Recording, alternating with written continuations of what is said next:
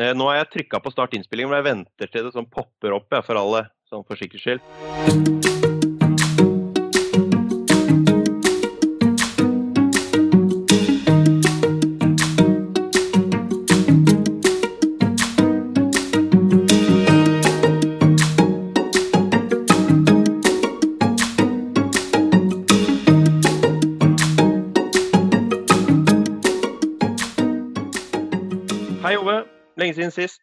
Åssen er det på hjemmekontoret ditt i dag? Jo, nå har eh, barna akkurat gått i barnehagen, og da er det jo litt lettere å sitte og jobbe hjemme, da. Og du, da? Nei, her er det veldig fint. Eh, akkurat nå er jeg eh, aleine i Oslo. Eh, men det siste året så har jeg også jobba mye hjemmefra hos eh, kjæresten min i Tønsberg. Det er litt hyggeligere å ha dagene der enn bare å være aleine her. Men hvor lenge har du vært på hjemmekontor nå? Det er jo et litt vanskelig spørsmål for meg, for jeg har jo vært eh, vant til å ha hjemmekontor også før eh, korona. Jeg har bytta litt på å jobbe hjemmefra, litt på kontoret, mye til reiser med kurs og møter. Eh, største forskjell for meg har sånn sett kanskje vært at jeg reiser mye mindre, da. Og at jeg ser folk på skjerm stort sett istedenfor på ordentlig. Men jeg skal ikke klage for mye. Men åssen har det vært for deg sånn eh, å sitte så lenge på hjemmekontor? Jeg syns jo det har vært litt slitsomt. Eh, Det er ikke høy stemning hele tiden. Det er jo verdt å ikke gå ut for å passe på å ikke bli smitta. Når vi kan gjøre jobben hjemme, så, det, så gjør det litt verdt det. Men det er litt slitsomt. Jeg har jo hørt at det er ikke de som er ekstroverte som sliter mest i den perioden. De finner liksom en måte å være sosiale på selv om, de, eh, selv om det ikke kan møtes fysisk. Da. Mens det er kanskje de som i utgangspunktet sliter med liksom negative tanker og, og, og er litt smånevrotiske av seg, som, som syns det er verst å være hjemme. Men eh, Hmm. Ja, det hørtes jo interessant ut det du sier der. Det hørtes kanskje først og fremst ut som svogerforskning, da. Eh, heldigvis så har vi en ekte forsker med oss, som vi kan stille noen spørsmål om dette her. det gleder jeg meg til. Og etterpå eh, skal vi snakke med eh, Solfrid eh, Borger, fra, som er hovedtillitsvalgt for NTL i Nav Østviken. Og vi skal snakke med Guro Vadstein, som er forbundssekretær i NTL. Mitt navn er Torgeir. Og mitt navn er Ove. Velkommen, Velkommen. Til, velkommen til hverdagen med NTL Nav. Vi starter altså med å få litt eh, kvalifisert synsing, litt mer fakta på bordet.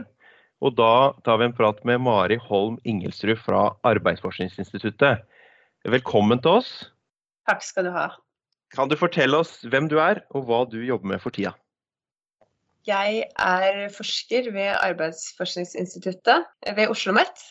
Eh, For tiden så leder jeg et prosjekt om hjemmekontor for Arbeids- og sosialdepartementet. og Der skal vi kartlegge kjennetegn, omfang og utvikling i bruk av hjemmekontor. Og så skal vi se på konsekvenser av hjemmekontorbruk.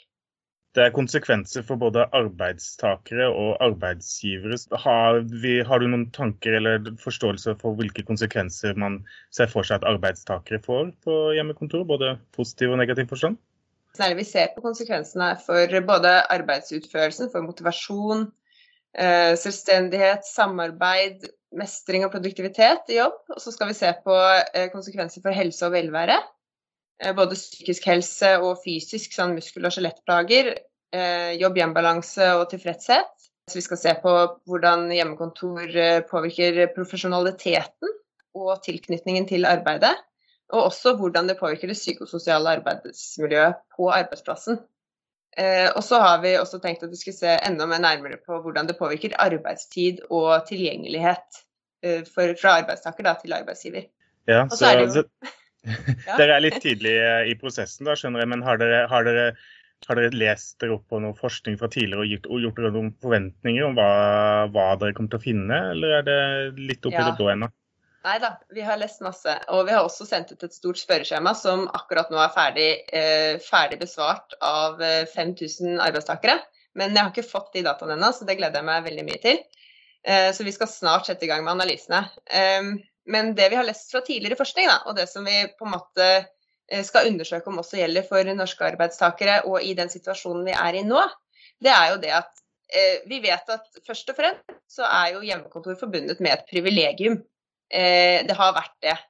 Eh, så de som jobber hjemmefra har relativt høy grad av autonomi og selvbestemmelse i arbeidet, og, og de bruker gjerne hjemmekontor som et sånn fleksibilitetsgode, eller har gjort det.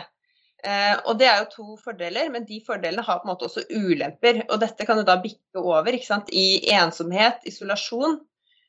Kanskje også det at man er alene med beslutninger. Så høy grad av autonomi kan på en måte ha en negativ side ved at man kan si, føle at man er alene med de beslutningene man tar. Eh, og høy grad av fleksibilitet kan ha en, en bakside i det at man kan eh, oppleve jobb-hjem-ubalanse, eller at arbeidet blir liksom grenseløst. At det sklir over i privatlivet, på en måte. At man ikke klarer å skille så godt mellom de to. Og kanskje at arbeidet tar en større del av livet enn det kanskje skulle tatt. da. Som en arbeidstakerorganisasjon så er det jo veldig spennende å se at det både er positive og negative aspekter ved dette med hjemmekontor. Da. Men vi, du, dere skulle også se litt på um, dette med konsekvenser for arbeidsgiver også. Mm. Vi har også med et arbeidsgiverperspektiv. Vi er i ferd med å gjennomføre eh, gruppeintervjuer med arbeidsgivere i noen eh, virksomheter for å undersøke hva som er viktig for arbeidsgiverne. Og Der har vi på en måte spesielt fokus på, og i prosjektet som sånn, så har vi en slags målsetning da, om å finne ut hva som skal til for at hjemmekontor skal være en god løsning både for arbeidsgivere og for arbeidstakersiden. Hvilke premisser på en måte må være til stede for at det skal være en god løsning. Og Her er det jo kjempemange spennende problemstillinger. Um, noe av det vi har framme i prosjektet, det er jo på en måte uh, den balansen som er mellom arbeidsgivers styringsrett og arbeidsgivers ansvar for å følge opp HMS-arbeidet også på hjemmekontor. Eh, som på en måte møter ansattes vern av privatliv. Da. Det er et på en måte eh, interessant, eh, ikke dilemma, men det er på en måte noe som skal balanseres. Og Så skal vi også se på kjennskap til og bruk av det eksisterende regelverket for hjemmekontorbruk. Passer det regelverket vi har hatt, som er mye fra tidlig 2000-tall? Eh, hvordan kan det eventuelt endres? Eh, og, og bruker arbeidsgiver det i det hele tatt? Har dere noen forventninger om svar på dette også, eller? Eh, det er ikke egentlig gjort så mye forskning på arbeidsgivere fra før. Så vi har ikke noen sånn tydelige forventninger om hva som er positivt hva som er negativt, men vi syns det er veldig interessant å høre hvordan arbeidsgivere navigerer i det her farvannet. på en måte. Eh, hvilke hensyn er det de tar, og hvordan er det de jobber for at hjemmekontorsituasjonen skal bli så bra som mulig. Så det vi har eh, baserer oss på nå, er på en måte ting vi hører i media. Det er flere store arbeidsgivere som er ute og sier at, i, at det kommer til å bli mer hjemmekontor i framtida. De legger til rette for det, men det er også en del som er måte, opptatt av at ansatte også skal komme på jobb etter korona. For vi er i en spesiell situasjon nå hvor mange har måte jobber hjemmefra nesten ufrivillig. Um, men den situasjonen skal jo slutte en gang, og da, da, er vi opptatt av å måte rette forskningen mer mot den normalsituasjonen som kommer. da. Hvis du skal spekulere litt eh, akkurat i det, da. Dette med den framover. Eh, hva tror du om hjemmekontor etter korona? Eh, blir det mer av det, eller slutter vi, slutter vi med det når pandemien har gått over? Ja, det blir jo spekulasjoner, men jeg tror at vi får mer av det etter at, etter at, også etter at pandemien er over. Det var ikke så mange av Norges befolkning som jobba hjemmefra før korona, hele dager. Det var veldig mange som jobba hjemmefra litt sånn på kveldstid eller ettermiddagen, eh, og som brukte den fleksibiliteten. Det var ikke så mange som jobba hele dager hjemmefra. Og det er jo mange som også ikke har fått lov til å jobbe hjemmefra før, som nå sitter og jobber hjemmefra og er veldig produktive. Og da tenker jeg at eh, det blir vanskelig å ikke tillate hjemmekontor for disse gruppene, tror jeg, framover, som ikke har hatt lov til å ha hjemmekontor før. Så jeg tror det kommer til å øke litt. Eh, jeg vet ikke hvor mye, for jeg tror at også veldig mange gleder seg å komme tilbake på kontoret og møte kollegaer og, og uh, få med seg den delen av det sosiale på jobb også. Tenker du at det er noe spesielt som må til for at man skal lykkes med hjemmekontor i, i fremtiden? Ja, altså for at hjemmekontor fungerer sånn som det, basert på det vi vet da, fra tidligere forskning, så er det jo tillit er veldig viktig. Det er, det, er, viktig for ledere eller styringsmåten man har overfor ansatte som jobber fra et annet sted enn i lokalet, krever en annen form for styring. Og, og, den må være mye preget av tillit til at de ansatte på en måte klarer å styre dagen sin selv. Så det tenker jeg at det er, Og det har vi jo mye av i norsk arbeidsliv fra før, så vi ligger ganske godt an der. Eh, men jeg tenker at det fortsatt er, vil være viktig. Um, og sånn som det er nå, så er det selvfølgelig veldig viktig med et godt arbeidssted. Uh, for nå jobber jo alle, eller veldig mange på hjemmekontor hele dagen eh, hver dag hver uke. Og da er selvfølgelig ergonomi og det fysiske tilretteleggingen veldig viktig. Det har kanskje vært mindre viktig før for de som bare har jobba et par timer på, på sofaen. Eh, så det tenker jeg at det er viktig. Mari, tusen takk for at du eh, kom. Du skal vel holde et, et innlegg for NTL Nav ikke for lenge, så vidt jeg har skjønt?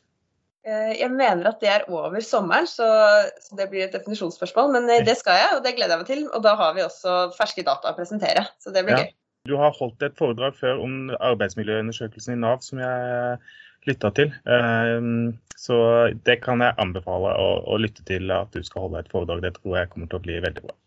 Ja, og jeg håper det blir fysisk. At vi kan samles på et hotell, og at jeg kan få snakke med deres medlemmer også. Så bra. Mm. Eh, tusen takk for at du stilte opp, eh, og tusen takk for eh, at du driver med så mye god forskning. Tusen takk for at jeg ble invitert. Ha det bra. Ha det godt. Da går vi over og ønsker velkommen til de andre gjestene vi har med oss i dag. Den første det er forbundssekretær i NTL. Velkommen, Guro Vatstein. Tusen takk. Kan du fortelle litt om deg sjøl? Jeg kommer eh, opprinnelig fra en jobb eh, ved Universitetet i Oslo, og der var jeg tillitsvalgt eh, ved et fakultet.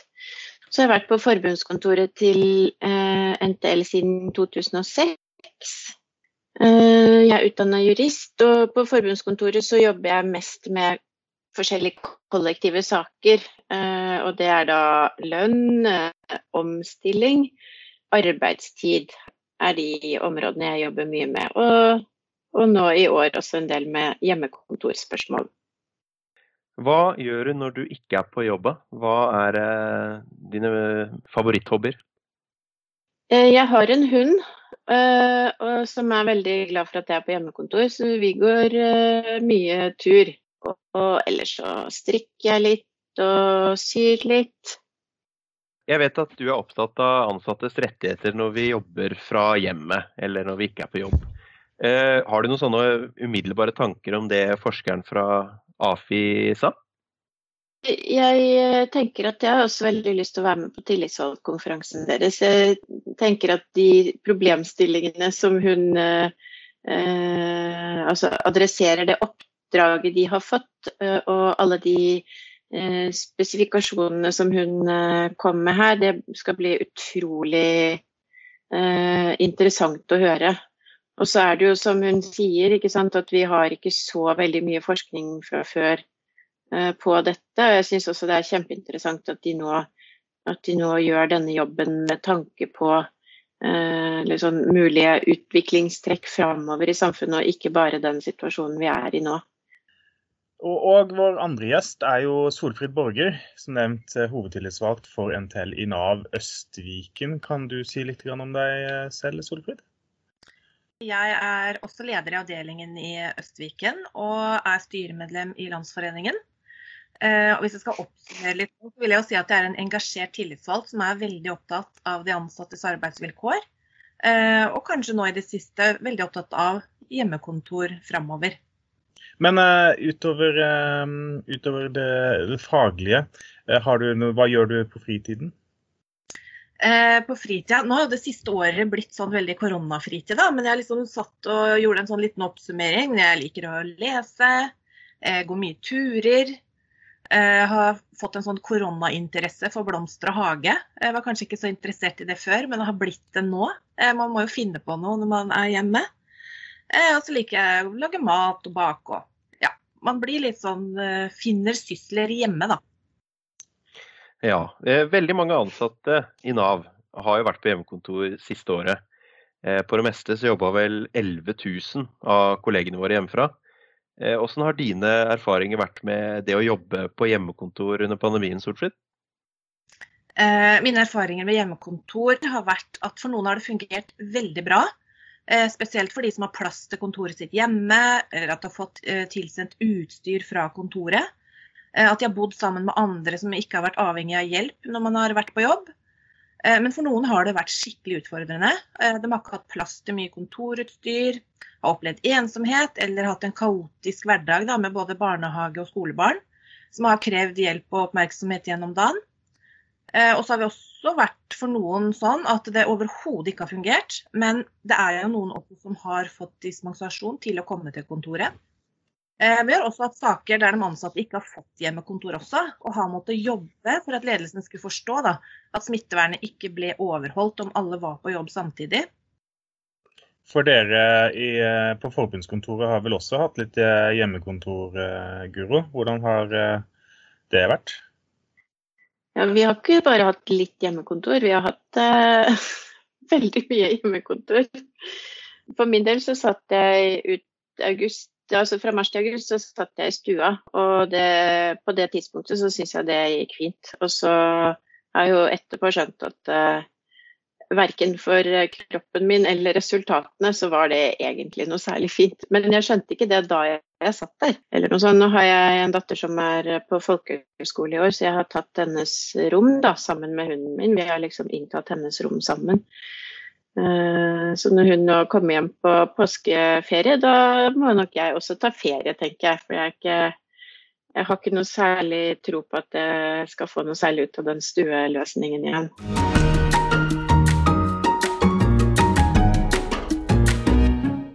Men vi skal jo over i en ny eh, normal nå, Torgeir. ikke sant? Nå er, eh, håper vi at disse vaksinene eh, virker, og vi skal forhåpentligvis finne en ny balanse mellom hjemmekontor og, og, og kontorkontor. Ja, det kommer en tid etter covid-19, selv om det kanskje ikke føles sånn hele tida. Det liksom forlenges og forlenges. Vi ser fram mot at det skal være over, men så slutter det aldri men det gjør det på et tidspunkt. Eh, I en undersøkelse som er gjort i Nav i oktober i fjor, da sier jo 82% at de ønsker seg mulighet for hjemmekontor også etter pandemien. Eh, hva sier medlemmene i Østviken, Solfrid? Hva er det de ønsker seg eh, hvis vi ser framover? Medlemmene hos oss ønsker seg en hverdag med både å være fysisk til stede på kontoret og ha anledning til å jobbe noe hjemmefra. Så hvis man kunne velge fra øverste hylle, så var det det de ønska. Eh, man ser at det har vært fruktbart å jobbe hjemmefra på en del områder. At det har vært effektivt. Man har gjort unna mange saker. Eh, man har opplevd autonomi og arbeidsro, sånn at eh, oppgavene har blitt gjort. Men det er nå et stort ønske da, fra mange å komme tilbake til kontoret, kollegaene og fysisk samhandling. Men hvis man kan velge, så ønsker de ja takk, begge deler etter pandemien. Det er ingen av våre medlemmer som har uttrykt et ønske om at de vil tilbake til sånn det var før. Det var litt interessant eh, det du sier. Eh, medlemmene ønsker altså en slags kombinasjon, kanskje ideelt sett. I den arbeidsmiljøundersøkelsen som jeg nevnte fra i, i fjor, så om hvordan Nav-ansatte har det på jobb og hvordan det går på hjemmekontoret, eh, da er det sånn at de som kombinerer hjemmekontor med å være på jobben noen dager i uka, de er mer fornøyd enn de som har hjemmekontor hele tida, i hvert fall. Eh, så kanskje den kombinasjonen er best. Men det er jo også sånn i den undersøkelsen at når man sjekka i mai og oktober, så var man mye mindre eh, fornøyd i oktober. Så det å sitte lenge på hjemmekontor, det begynner kanskje å, å være en slitasje for mange. Men Guro, har du noen eh, sånn umiddelbar eh, tanke på det med en kombinasjon? Tror du det kan være løsninga i framtida? Eh, jeg tenker eh, nok eh, som Solfrid at det er noe som mange kan tenke seg. ikke sant? At man får Man ønsker seg på en måte det beste fra begge verdener, da. Man ønsker både de sosiale og kanskje kreative sidene med å være i et arbeidsfellesskap, samtidig som det er mange som tenker at det er deilig å slippe sånn både stress for å komme seg til jobb, og det med reisevei for mange uh, og sånne ting. Så jeg har veldig god veldig forståelse for at det er noe som mange kan ønske seg. Og så ja, får vi jo se hvordan man kan klare å få til det på best mulig måte. Ja, det, tenker vi at det er noen fallgruver her, sånn sett? Altså, um jeg har fått inntrykk av at uh, det, det, medlemmene ønsker, er, uh, er hjemmekontor, mer hjemmekontor. Mer fleksible løsninger, som Solfrid nevner. ikke sant? Men, men det er jo, uh, her på den andre siden så er det jo da en del tillitsvalgte oppover i, i tillitsorganisasjonsapparatet som syns det her må vi være trå litt forsiktig. jobbes det litt med dette? Altså vi, vi um, Dette er jo nytt for oss også, så jeg tenker at det tar litt tid å, å, å komme i gang. Og vi har jo også selvfølgelig håpet at det, denne situasjonen vi er i nå, skulle gå over veldig lenge, som alle andre, så har vi håpet det. Og så begynner vi jo nå å se, se mer og mer at på en måte de, de tegnene i tiden på at kanskje særlig arbeidsgiversiden, men også noen på arbeidstakersiden snakker om at man ønsker eh, delvise løsninger og mer eh, fleksibilitet i forhold til hvor man skal jobbe fra. Og det er klart at det er eh, for oss som skal tenke på rettigheter og, og vilkår for arbeidstakere, så tenker jeg at det er helt klart fallgruver eh, vi kan gå i der hvem er det som vinner og taper på en fleksibilitet? Hvem er den fleksibiliteten egentlig for? Um... Torgeir, eh, tror du vi trenger Nav-bygg i fremtiden, eh, eller kan Nav-ansatte eh, bare jobbe hjemmefra? Jeg tror i hvert fall ikke vi skal helt over der. Det var vel sjefen i Twitter, Jack Dorsey, han sa i mai allerede at hans ansatte de tenkte aldri å komme tilbake på jobben. Jeg tror ikke vi skal dit. Når det gjelder Nav, så syns jeg både nå og framover så legger vi til grunn at eh, arbeidsgiver skal stille gode arbeidsplasser tilgjengelig for alle ansatte. Det skal det ikke være noe tvil om. Eh, vi har hørt noen litt sånn bekymringsfulle historier om arbeidsgivere som tenker at eh, når man skal ha nye lokaler nå, så kan man legge opp til underdekning, altså færre arbeidsplasser enn man har ansatte. Fordi det har gått så bra med hjemmekontor og man ønsker å ha en del av de ansatte hjemme som fast ordning. Og det vil jeg bare si at det aksepterer vi på ingen måte. Eh, det hjemmekontor sånn som vi ser det, det skal være aktuelt hvis det er noe den ansatte ønsker seg. Eh, men at det kan være sterke fordeler å jobbe hjemmefra for en del, det tror jeg vi ikke kan se bort ifra. Og det er jo flere som har vært inne på dette med å frihet til å legge opp egen arbeidsdag mest mulig effektivt. Eh, innsparing av tid. Det var en kollega som sendte meg en e-post i starten av korona. Da var han på hjemmekontor og slapp to og en halv time reise reisevei hver dag. Det sier seg jo sjøl, altså de færreste er jo i den situasjonen heldigvis, men det sier seg sjøl at han var fornøyd. Han beskrev det faktisk som å få livet tilbake. Fikk mye mer fritid og mer ut av dagene enn bare å sove og jobbe. Så jeg vil jo si at det, selv om det er et ekstremeksempel, så kan vi ikke se bort ifra det at mer fritid er en mulig gode da, med dette med hjemmekontor det, det syns jeg er noe av det viktigste fagbevegelsen eh, har jobba for tidligere, og er et eh, poeng her også. Samtidig som vi tenker på fordelene, så må det jo være dette med rammene. Eh, å ha gode nok rammer. Og Da lurer jeg på det, Guro. Hvordan står det til? Er rammeverket godt tilpassa, eller er det ting som må komme på plass før vi kan i det hele tatt vurdere en sånn framtid? Hun ehm, eh, som snakket i starten, eh, hun var jo også litt eh, inne på at ASD ser på, et, ser på endringer i rammeverket. Vi, vi, har ikke i dag et tilstrekkelig rammeverk, selv om flere titusener har sittet på hjemmekontor et helt år. Utgangspunktet er jo at vi har en, en god vernelov i Norge, arbeidsmiljøloven som skal verne oss og gi oss et fullt forsvarlig og til og med helsebringende arbeidsmiljø. Og så har denne loven en forskrift som heter arbeid uh, i uh, arbeidstakers hjem, kan reguleres av en egen forskrift. Og så er det fortsatt uenighet om denne forskriften gjelder, men jeg tenker at det er, det er enighet om at hvis den gjelder, så er den ikke god. Og det er jo det eh, arbeidet forskeren viser til, da, at eh, ASD vil eh, legge fram noe nytt. Så det er en uheldig situasjon.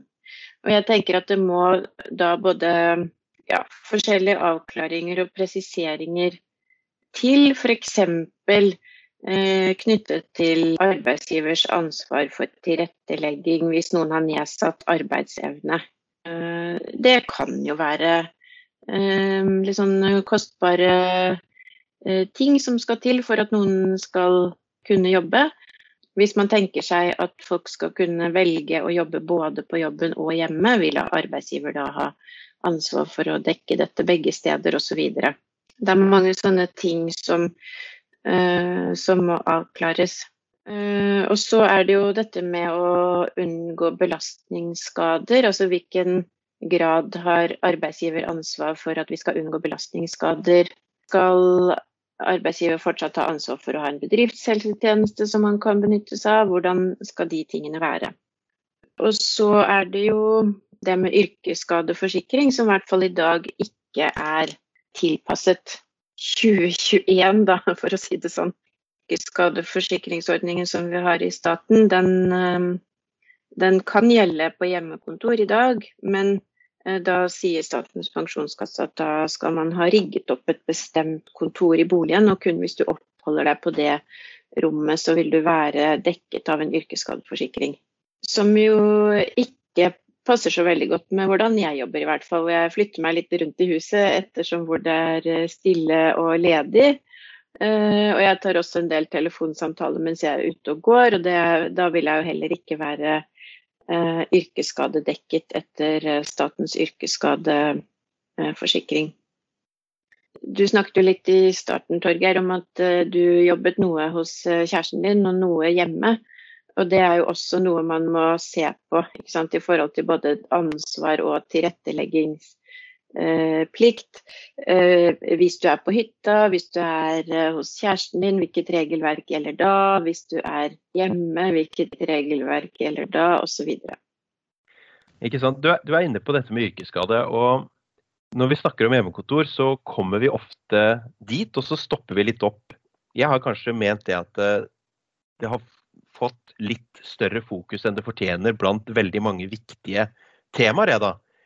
Altså Folketrygdlovens eh, paragraf 13-3 den sier jo det at belastningslidelser som over tid har utviklet seg i muskel-skjelettsystemet, og lidelser som har utviklet seg som følge av psykiske påkjenninger eller belastninger over tid, det gir uansett ikke yrkesskade. altså Det regnes ikke som yrkesskade.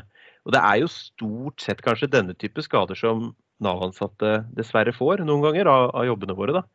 Eh, så skulle vi jobbe for å bedre yrkesskadedekninga, så ville det kanskje være viktigere å bedre dekninga med tanke på å inkludere den type problemer. Eh, og så sier, sier, jeg ikke med det at jeg mener at det ikke er viktig også å bedre dekninga fra hjemmekontoret, eh, for all del. Det er supert også å forbedre den, sånn at vi kan være dekka forhåpentligvis hvis vi faller i trappa eller isen.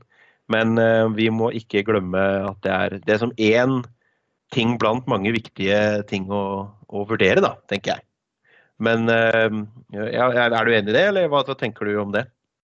Ja, ja, jeg er enig i det. Og jeg tenker at um, altså, de mer langvarige skadene har vi dårlig dekning for uansett om vi sitter uh, på arbeidsgivers kontor eller på hjemmekontor. Og situasjonen er i hvert fall ikke bedre på hjemmekontoret for de fleste enn den er på et vanlig kontor. Uh, og vi er jo vi er på en måte i et land Når vi beveger oss mot mer hjemmekontor, så er vi i et land hvor, hvor det kanskje er litt lettere for arbeidsgiver å si at uh, OK, nå uh, Jeg kan ikke ta ansvar for hva du holder på med hjemme. det må du ta ansvar for sjøl. så jeg tenker at det er superviktig å adressere de problemstillingene der med mer hjemmekontor.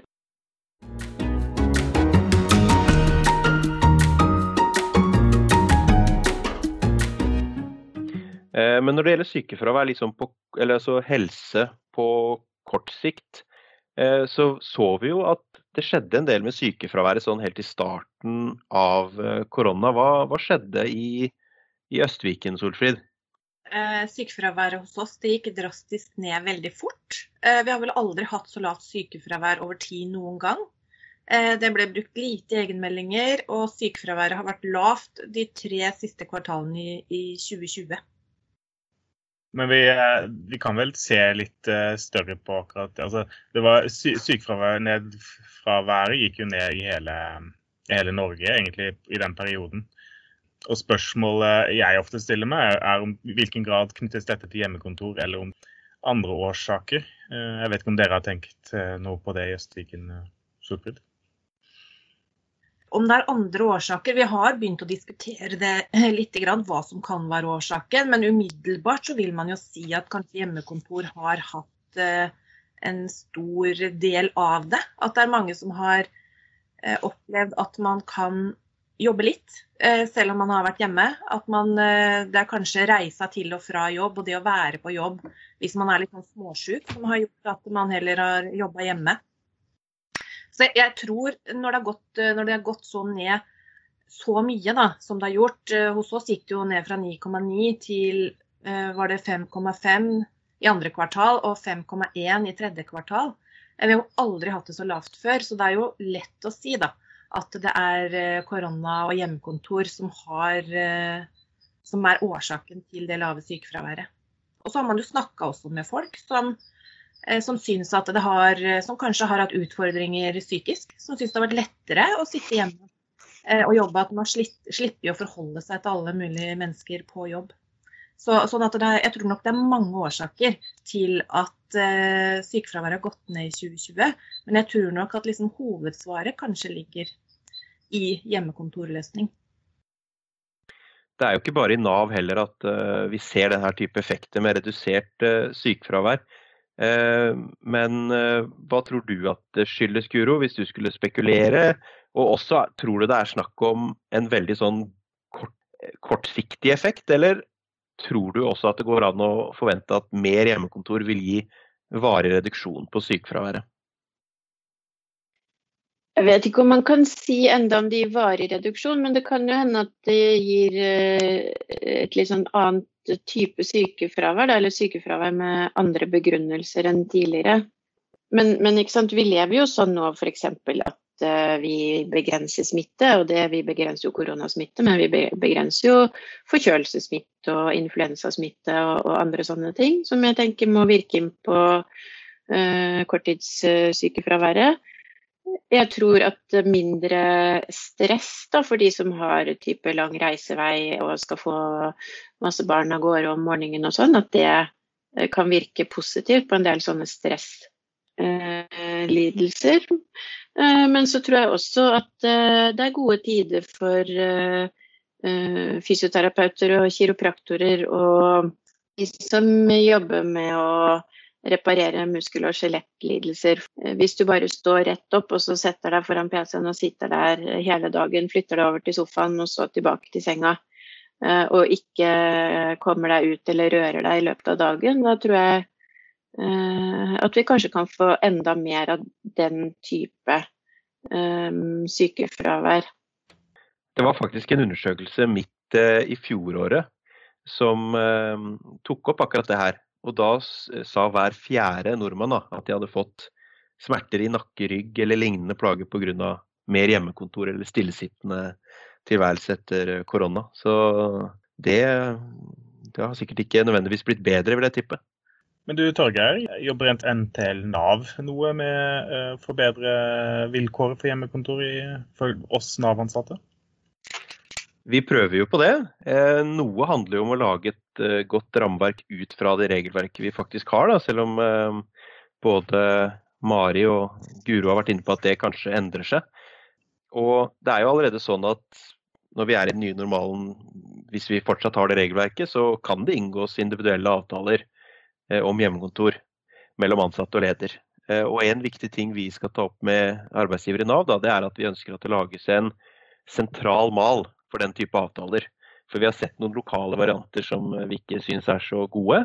Hvor den ansatte blir bedt om å skrive under på ting som arbeidsgiver egentlig ikke har noe med, rett og slett.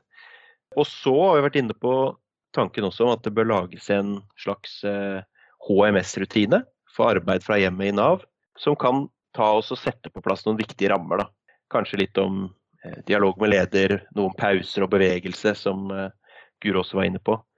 Eh, så vi er fortsatt litt unna da, en sånn uh, normalsituasjon, men den begynner å nærme seg riktig tidspunkt for å ta opp disse tingene. Så I tillegg så har vi jo selvfølgelig spørsmål om hva slags tilpasninger de ansatte har fra hjemmekontoret. Du sa det vel litt i starten, Solfrid. Eh, har de ansatte i Østviken stort sett eh, det utstyret de trenger eh, på, på hjemmekontorene? Ja, eh, stort sett så har de fleste kontor kjørt ut utstyr. De har kjørt ut hev- og senkpulter, de har kjørt ut ekstra skjermer. De har handla inn det de ansatte har trengt av ekstra utstyr.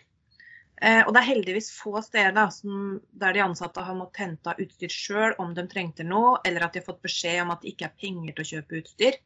Men det er heldigvis veldig få enheter som det har vært sånn.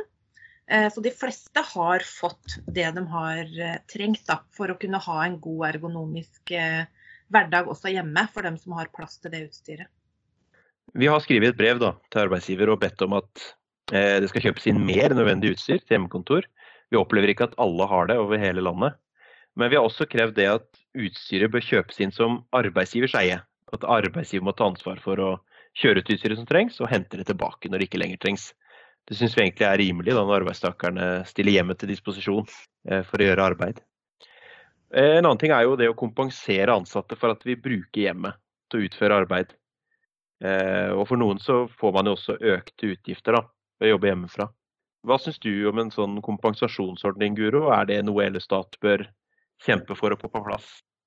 Statsråd Helleland har vært ute og sagt at regjeringen jobber med et uh, forslag til hvordan alle statsansatte som uh, ønsker det, skal kunne jobbe hjemmefra. Og da legger man jo på en måte fra regjeringa opp til at ansatte skal kunne melde seg som frivillige til å jobbe hjemmefra. Og for mange så vil jo det være noe som er reelt, ikke sant. Det vil være en reell frivillighet. Et ønske fra uh, arbeidstaker. Uh, og da uh, tenker jeg at da må man bare være klar over at ordninger som arbeidstaker ønsker seg selv, ikke er like naturlig for arbeidsgiver å kompensere som hvis det er ordninger som er initiert fra arbeidstaker. Eller Eh, til og med pålagt på et vis, da, som vi er i den situasjonen som vi er i nå. Annen, et annet aspekt med det med frivillighet er jo at det eh, Det kan man vel si at frivillighet gjelder i større eller mindre grad i arbeidslivet. Altså Én ting er jo hvis eh, du Torgeir går til arbeidsgiver nå og sier jeg vil veldig gjerne jobbe mer hjemme, kan vi inngå en avtale med, om det? Det vil jo være en reell frivillighet. Men hvis det nå går uh, seks år fra nå, og arbeidsplassen din er utformet med underdekning, og det kommer en ny søker til en jobb i Nav og skal signere på en arbeidskontrakt, så kan det jo fort stå i den arbeidskontrakten at ja, du kan godt få jobb hos oss, men da må du forplikte deg til å stille et rom i din egen bolig til disposisjon for oss. Og da er det jo spørsmål om hvor reell er den frivilligheten. Det, det, er på en måte spennet mellom frivillighet og, og, tvang er jo noe som vi Eller tvang. Frivillighet og eh, pålegg ser vi jo andre eh, steder også i staten. Og det tenker jeg det, det kommer inn i den eh, diskusjonen. Med arealer eh, er jo veldig kostnadsdrivende for arbeidsgiver, og i den grad arbeidsgiver kan planlegge med Eh, halvparten så store arealer som i dag, så er det et økonomisk incitament til at arbeidsgiver skal liksom legge opp til at man skal ha mer hjemmekontor enn i dag. Så jeg tror at den diskusjonen framover blir, blir, veldig viktig. Sånn det er per nå, så er det jo veldig få som sitter eh, frivillig på hjemmekontor. Og, og i en sånn type situasjon hvor man hvor man blir liksom henvist til eh, hjemmekontor med eller uten godt grunnlag, så, så, er det jo relativt lett å argumentere, prinsipielt i for at økonomiske merbelastninger skal dekkes. Men i en situasjon hvor de ansatte mer eller mindre reelt ønsker seg det selv, så er det vanskeligere. Det er en eh, god advarsel eh, det der med at uh, vi må huske på at når vi Hvis vi, det blir litt for mye halleluja, så dette her legger en del linjer som vi kommer til, å, kommer til, å, endre arbeidslivet. Og selv om noe er frivillig nå, så kan det hende at det fører til at det, det blir mindre frivillig i framtida. Så jeg tenker i hvert fall at vi må holde på den at vi skal kreve gode arbeidsplasser til alle ansatte på jobben. Det må vi ikke miste av syne. Men uh, det er en liten varsko, det der. Men er det noen som brenner inne med et eller annet om hjemmekontor de hadde hatt lyst til å ha sagt? Ja, jeg syns det er ganske viktige betraktninger da, som Guro kommer med her på slutten. fordi at eh, jeg kan kjenne meg igjen i å være litt sånn at, eh, at man vil, vil, på hjemmekontor og at hører etter hva medlemmene sier at det her ønsker vi. Eh, og da er det viktig å ha en sånn stemme som, eh, som, har noen betraktninger på siden som man må huske på da, i den, eh, i den måten man går fram videre på. Guro? Den enkeltes bosituasjon har så utrolig stor betydning for om det er vellykket med hjemmekontor eller ikke. De jeg har snakket med hittil, det er ikke så veldig mange som rekker opp hånda i allmøte og sier at uh, ja, jeg bor på 22 kvadratmeter og må sitte og jobbe fra senga. Det, det er, kan være litt sånn ugreit, og det kan være helt vinn eller forsvinn for om hjemmekontoret er vellykka eller ikke. og det det blir på en måte et litt sånn privat ansvar da, for å sørge for å ha god nok økonomi til at du kan ha en bolig som er stor nok til at du kan ha et vellykket uh, hjemmekontor og ta imot uh, alle møblene som arbeidsgiver vil sende deg. Så jeg vil gjerne slå et slag for at forskjellen mellom folk som utviskes kanskje når man er på jobben, den gjenskapes litt når man henvises uh, tilbake til det private rommet. Vi har endra litt på sluttspalten, og vi ønsker å spørre først da, Guro. Hva var det som sørga for at du ble medlem i NTL? Hvordan ble du verva, og hvorfor ble du med? Eh, jeg hadde en, Som student hadde jeg en sommerjobb på Universitetet i Oslo et år. Eh, og der var det problemer med lønnsutbetalingene. Og da var vi en liten gjeng som tenkte at det, sånn kan vi ikke ha det. Så da gikk vi til den eh, tøffeste fagforeninga, som selvfølgelig var NTL. Og så ba vi egentlig om eh, hjelp, og vi fikk jo hjelp, men den hjelpen var sånn Ja, nå går dere til personaldirektøren, og så sier dere sånn og sånn og sånn og sånn. Og så gjorde vi det. Og så fiksa det seg. Og da følte jo vi oss ganske tøffe, vi også. Så etter det har jeg vært med i NTL. Og du da, Solfrid, hva, hvordan eh, hadde det seg at du ble medlem i NTL? Ja, jeg begynte Eller jeg, det, det, tok meg fem år i etaten eh, og en bytte arbeidsplass før noen spurte meg om jeg skulle bli medlem i en eh, fagforening. Eh, da var det en som kom bort og sa en av de første dagene på jobben og sa at eh, her er alle medlemmer i NTL, har du lyst til å være med? Eh, og så tenkte jeg at jeg ville jo ikke være den eneste som ikke var medlem av noe. Jeg ante ikke hva det handla om, men jeg blei med. Eh, og sånn i ettertid da, så har det jo vist seg å være en god match for meg. Eh, så jeg har nå blitt her. Så bra. Da vil jeg bare til slutt si tusen takk for at dere kom begge to. Bare hyggelig. Hyggelig å være med. Ha det bra. Ha det godt. Ha det fint. Ha en fin dag. For dere som er nysgjerrig på hva Mari Holm Ingelsrud finner ut av i sin forskning på hjemmekontor i koronaens tid, så skal hun presentere sine funn på Tillitsvalgskonferansen. Som vi arrangerer i slutten av september. Vi gleder oss veldig til det.